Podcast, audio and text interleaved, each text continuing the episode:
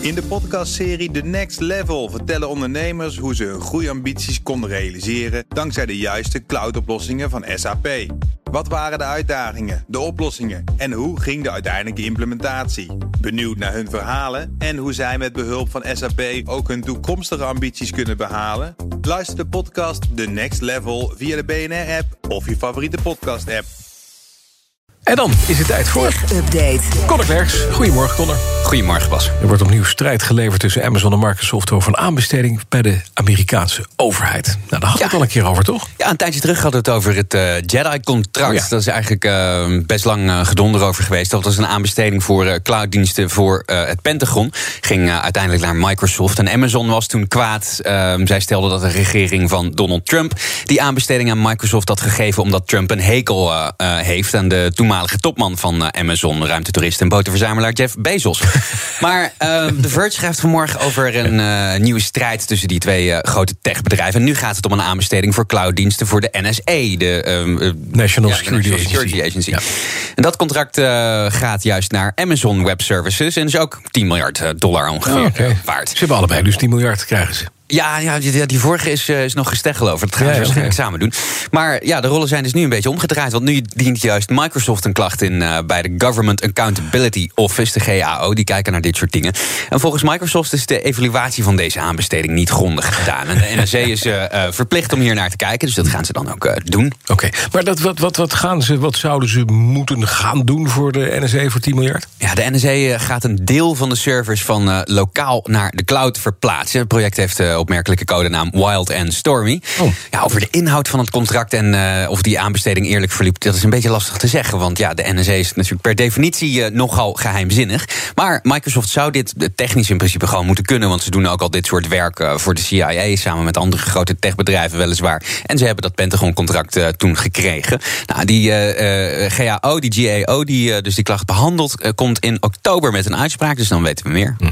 Je zou toch maar inderdaad zo'n project begeleiden en dat in je agenda hebben staan. En je vrouw vindt je telefoon. En daar staat in Wild and Stormy vandaag. en we weten allemaal dat Trump had ook nog iets met een mevrouw die Stormy heet. Ja. Facebook heeft een Russisch antivax-netwerk opgerold. Ja, Facebook zou een uh, netwerk Russische accounts hebben verwijderd. Uh, en die accounts zijn betrokken bij een marketingfirma... die op uh, zijn beurt weer influencers zou hebben geprobeerd... om op, op in te zetten of te overtuigen om antivax-content... over de coronavaccins te pushen.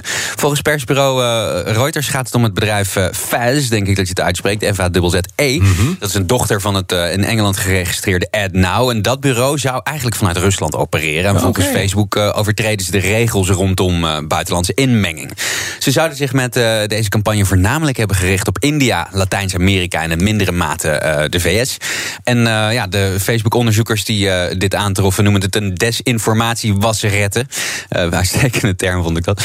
Ja, um, die groep die zou uh, misleidende artikelen en petities schrijven op verschillende forums, zoals Reddit en Medium en Change.org.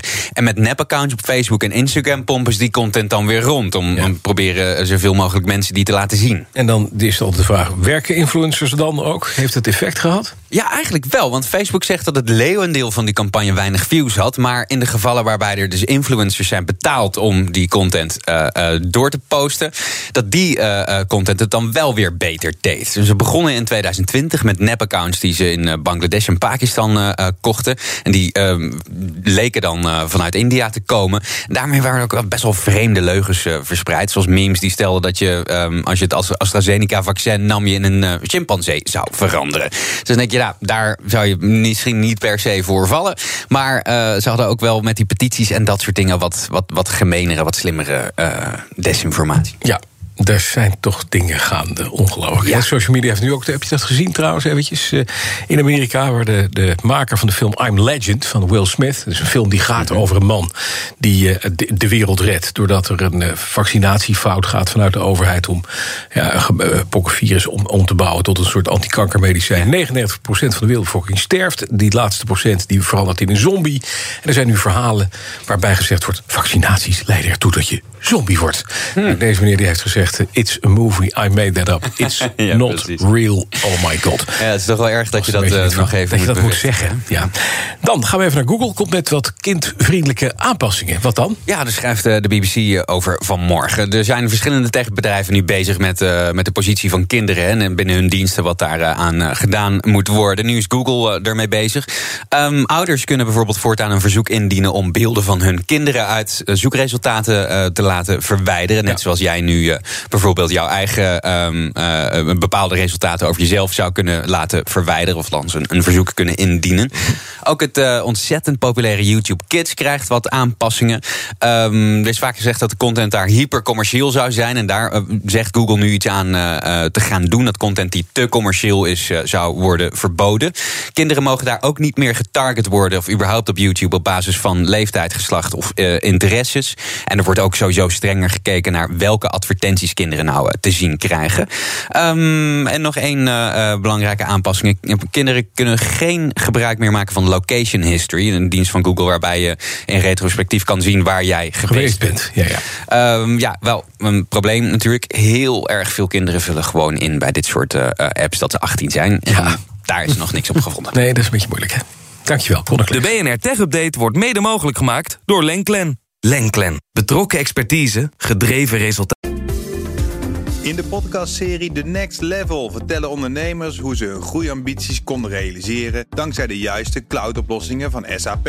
Wat waren de uitdagingen, de oplossingen en hoe ging de uiteindelijke implementatie? Benieuwd naar hun verhalen en hoe zij met behulp van SAP ook hun toekomstige ambities kunnen behalen? Luister de podcast The Next Level via de BNR-app of je favoriete podcast-app.